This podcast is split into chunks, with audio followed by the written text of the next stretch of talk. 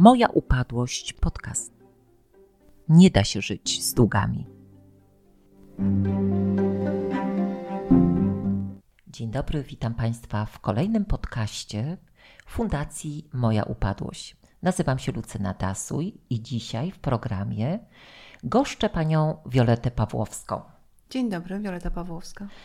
Proszę Państwa, no, najbardziej chcecie słyszeć różne historie. Historie prawdziwe, które osoba przeszła, jak u niej wyglądał ten proces, co się stało, że stała się osobą niewypłacalną. Dlatego zaprosiliśmy panią Violetę, żeby opowiedziała nam, jak prowadziła firmę, co się wydarzyło od samego początku. Pani Violeto, jak to było? Ja prowadziłam firmę transportową od 2010 roku do 2013. W roku 2012 uległ wypadkowi samochód, jeden z samochodów we Francji. Drugi był w trakcie załatwiania, więc miałam kilka miesięcy przerwy.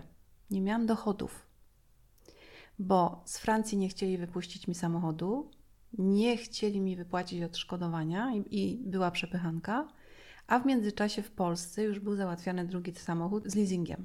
Okej. I w sytuacji, kiedy udało mi się ściągnąć ten samochód z Francji, musiałam go naprawiać. Następne kilka tygodni postoju. Bez pracy, ale Bez to też dochodów. przecież jeszcze dochod, raczej to nawet ściągnięcie tego samochodu, y, tam przeładunek towaru, to wszystko były koszty, tak? Czyli to Nie, to już było tak, że on był rozładowany i on wyjeżdżał spod rozładunku. Mhm. Najechała na niego suwnica. Czyli zupełnie się- niezależne, Nie, niezależne, niezależne od kierowcy, niezależne ode mnie okoliczności. Na szczęście tak. ten samochód przyjechał na kołach, sam. Ale Okej. musiałam tam znaleźć ludzi, którzy by mi pomogli szybę zainstalować, żeby mógł w ogóle ten samochód ruszyć, bo bez szyby Mhm. nigdzie nie, nie chcieli go wypuścić. Udało się, wrócił do Polski, postawiłam go do warsztatu, do naprawy. Ruszył samochód leasingowy. Natomiast w międzyczasie, jak ten samochód leasingowy ruszył, okazało się, że bardzo poszło, tak jak sytuacja jest analogicznie jak dzisiaj. Paliwo bardzo poszło w górę, natomiast frachty stały w miejscu. Mhm. I były miesiące, kiedy samochód jeździł przez cały miesiąc, a ja dostawałam 400 euro przelewu. I ja nie wiedziałam, I- co ja mam zapłacić. Kierowcy zapłacić, Aha. paliwo zapłacić, ZUS. Okej, i co pani podjęła w takim, w tym, w tym przypadku? Czyli co, trzeba zamknąć firmę, wyrejestrować, sprzedać? Ja jeszcze próbowałam ratować tę firmę, w cudzysłowie teraz powiem. Nie brałam kredytu, bo nie Mhm. chciałam kredytu, natomiast podjęłam decyzję, żeby te samochody jeździły w Polsce. Okej. Szukałam zleceniodawców bezpośrednio, czyli nie przez spedycję, żeby mi nie obcinali Dodatkowo, stawki, tak. Mhm. tylko bezpośrednio. I na przykład jeździłam dla cukrowni w Gostyniu, jeździłam dla firmy Eurocash. Bezpośrednio, bez pośredników. Ale frachty nie wzrosły. I, I tak koszty związane z paliwem przekraczały, czy dochodziły do 80% dochodów. Dochodów. No tak. I nie dało się tego już w pewnym momencie poskładać. W momencie, kiedy przestałam płacić leasing, musiałam ten samochód oddać. Okej, czy leasing y, rozliczył, wziął samochód i rozliczył i z tego tytułu też powstały zaległości? Leasing wziął samochód, a dokładnie po roku użytkowania tego samochodu, leasing y, sprzedał samochód poniżej 50% jego wartości. No tak, z takimi sytuacjami właśnie wielu klientów się borykało, że mieli prawie nowy samochód, który był wart określoną kwotę według rocznika, a leasing sprzedał za dużo niższą kwotę, a resztę sobie zażyczył od Różnicę leasingobiorcy. przyszedł do mnie Tak. jako formę odszkodowania. Formę odszkodowania, dokładnie. I czy można było coś z tym zrobić?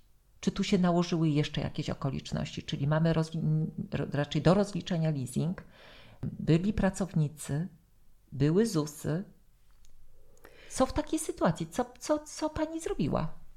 W momencie, kiedy oddałam samochód do leasingu, no, próbowałam z nimi rozmawiać. Ja próbowałam rozwiązać to jeszcze inaczej. Przed oddaniem samochodu szukałam kogoś, kto przejąłby ode mnie ten leasing. O, to też jest rozwiązanie. Mhm. Ale nie udało mi się znaleźć takiej osoby, w związku z czym no, samochód został mi odebrany, po miesiącu sprzedany, no i już od razu wezwanie o odszkodowanie. Mhm. Natomiast drugi samochód, ponieważ był mój, mój osobisty, cały czas jeszcze próbowałam, żeby jeździł, żeby, żeby zarabiał. zarabiał. Natomiast no, nie udało się tego. Yy, tak, to był połączyć. 2012 rok. To był Wtedy już 2013. 13 nawet, tak. Więc yy, udało mi się spłacić pracowników. Mhm. Nie udało mi się spłacić ZUS-u całego i nie udało mi się tego odszkodowania. I miałam jeden kredyt. Mhm. I z tym zostałam. Zamknęłam działalność w grudniu 2013 roku. W międzyczasie, jeszcze przed zamknięciem działalności, pytałam się, byłam u prawników, pytałam się, co ja mam zrobić. No właśnie. Prawnik mówi tak: nie ma pani majątku, nie ma pani po co składać mhm. wniosku w ogóle o upadłość. I wtedy jeszcze były takie przepisy, które dawały mi rok po zamknięciu, tak? Mhm. Rok po zakończeniu działalności ja mogłam taki wniosek złożyć i nikt mi o tym nie powiedział. Nikt. No właśnie. Ponieważ ta sprawa pani Wiolety toczyła się jeszcze za czasów w ogóle funkcjonowania ustawy z 2003 roku, kiedy obowiązkiem przedsiębiorcy było złożenie wniosku o ogłoszenie upadłości, gdy były długi. I proszę Państwa, co to znaczyło złożyć wniosek o ogłoszenie upadłości? Tak jak słyszymy, złożyć formularz do sądu, że jesteśmy niewypłacalni i opłacić to. Natomiast tego nikt nie podpowiadał. Do 2016 roku nie było wiedzy dla osób y, prowadzących działalność gospodarczą, że w ich przypadku, żeby te długi się nie ciągnęły, wystarczy złożyć formularz, no, no formularz wniosku, tak, czy no, no, tam jest dużo załączników, ale przedłożyć sprawę do sądu i wystąpić o ogłoszenie upadłości ale tego nikt nie podpowiadał. Właśnie odpowiedzi były takie: No nie ma pani majątku, pani nie stać, to nie ma pani po co iść do upadłości. Oczywiście pani Wioleta by nie dostała upadłości, ale wywiązałaby się z obowiązku przedsiębiorcy, że taki obowiązek miała. I to w kolejności pani Wiolety sytuacji po prostu sprawa zakończyłaby się dużo wcześniej. Natomiast to, że nikt nie powiedział, nie poinformował, no bo tej wiedzy nawet do dzisiaj jest mało, że obowiązkiem przedsiębiorcy jest złożenie wniosku do sądu, a nie ogłoszenie upadłości przez sąd. Naszym obowiązkiem, szczególnie prezesów spółek, jest pamiętać, że w terminie obecnie 30 dni taki wniosek należy złożyć. A jak na to podejdzie do tego sąd, czy on ogłosi, czy nie, to już nie ma znaczenia. Ważne, że my wywiązaliśmy się z naszego obowiązku. I tutaj pani Wioleta w tym 13 roku, będąc w kilku kancelariach, no nie dowiedziała się tej podstawowej rzeczy, że jej obowiązkiem jest złożyć wniosek do sądu. No i potem jakie były konsekwencje, bo my poznałyśmy się z panią Violetą w 2015 roku. Proszę, pani Violeta się już uśmiecha, więc proszę powiedzieć, jak to było.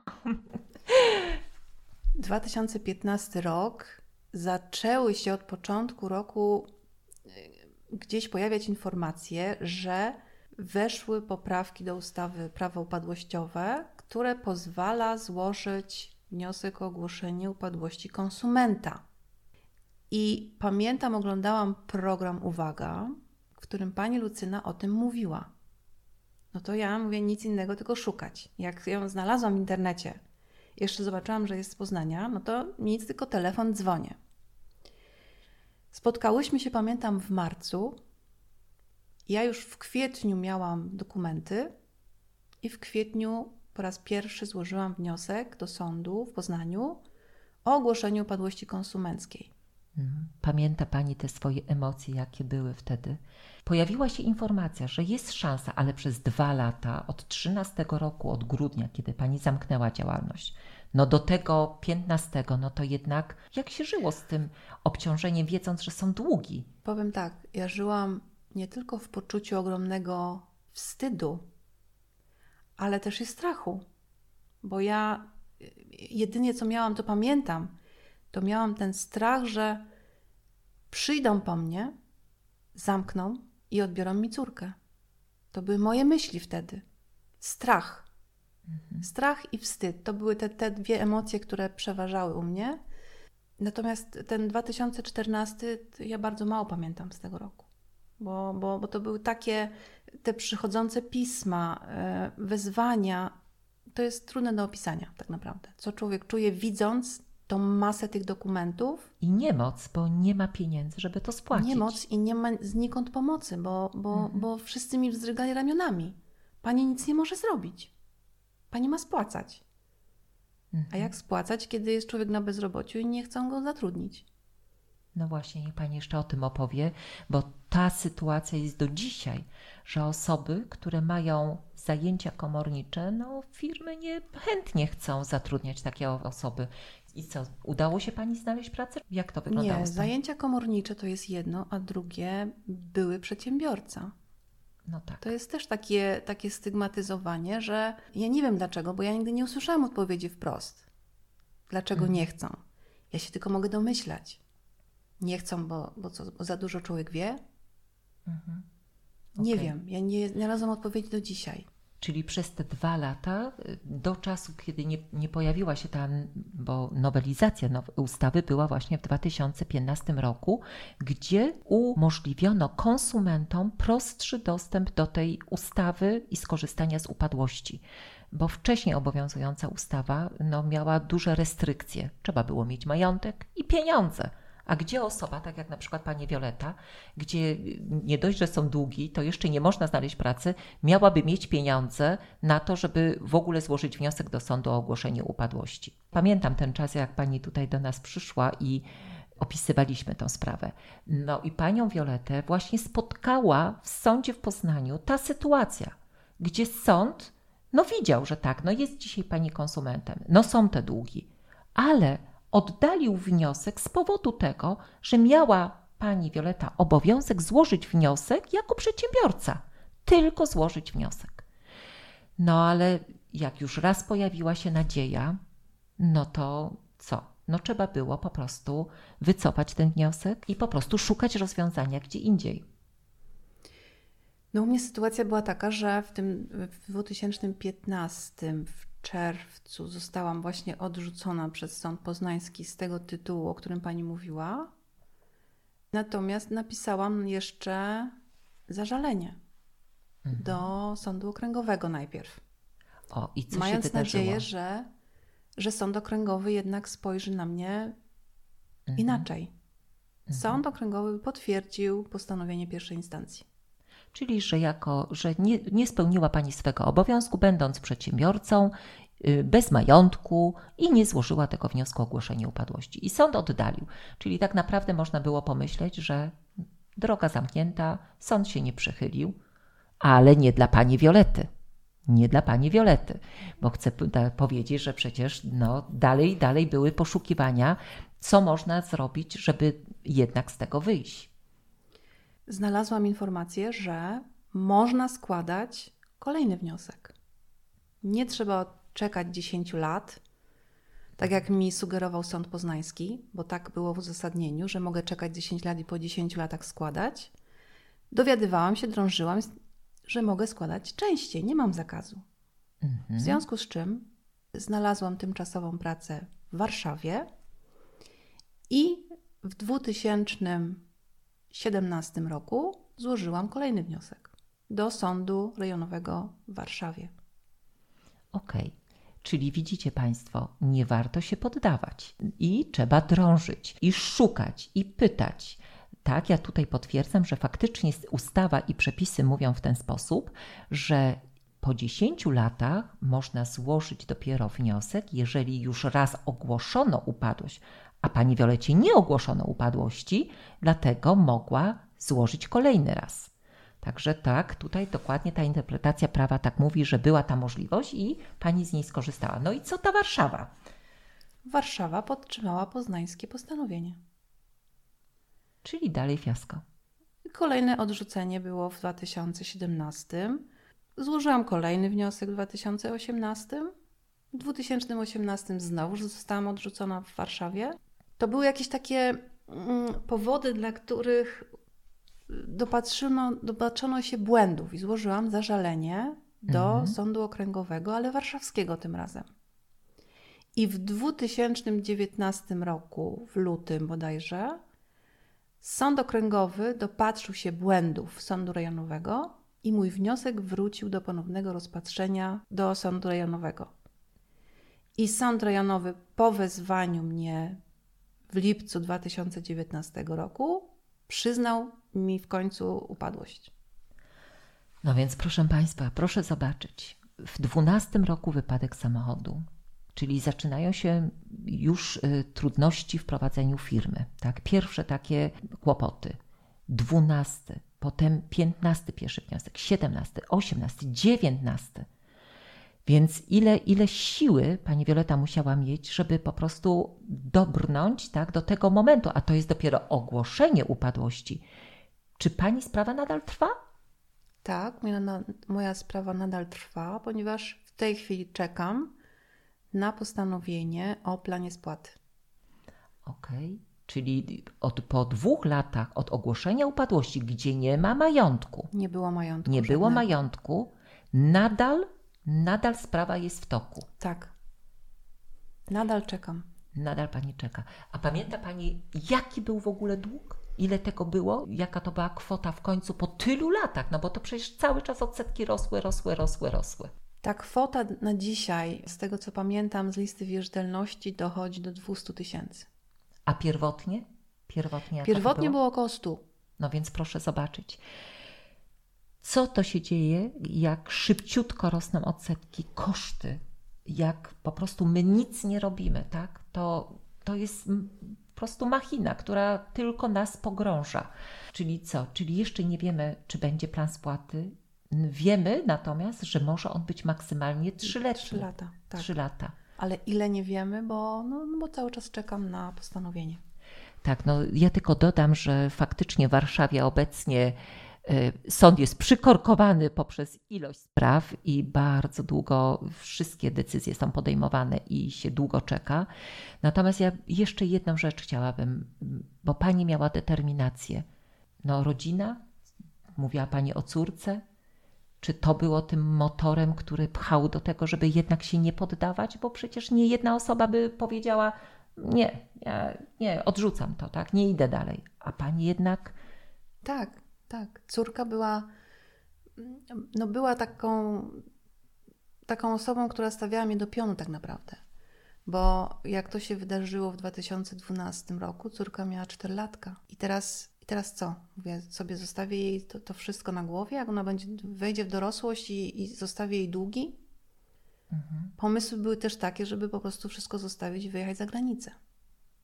No tak, ale długi by nadal ale zostały. długi by zostały. I no, sytuacja byłaby dalej nierozwiązana. Byłaby być może jeszcze gorsza za jakiś czas, więc mhm. no chciałam, chciałam to załatwić, nie chciałam, żeby to gdzieś tam z tyłu głowy wisiało, nie chciałam tego załatwiać, zamiatać pod dywan, tylko chciałam mieć sytuację czystą. Tym bardziej, że nie było tutaj ani pani winy, to po prostu były sytuacje zewnętrzne, które do tego doprowadziły. Tak? Pani zrobiła wszystko, żeby z tego wyjść od razu na samym początku w 13 roku. Bo gdyby tylko podpowiedziano pani, że może pani taki wniosek złożyć, to by to się wszystko skończyło dużo wcześniej. Tak, ja bym to inaczej zupełnie rozegrała. Mając tę wiedzę dzisiejszą, przekładając ją do sytuacji mojej sprzed tych 7 lat czy 8, zupełnie inaczej bym, bym to, wcześniej bym tę firmę zamknęła przede wszystkim. Nie zastanawiałabym się nad ratowaniem firmy, tak.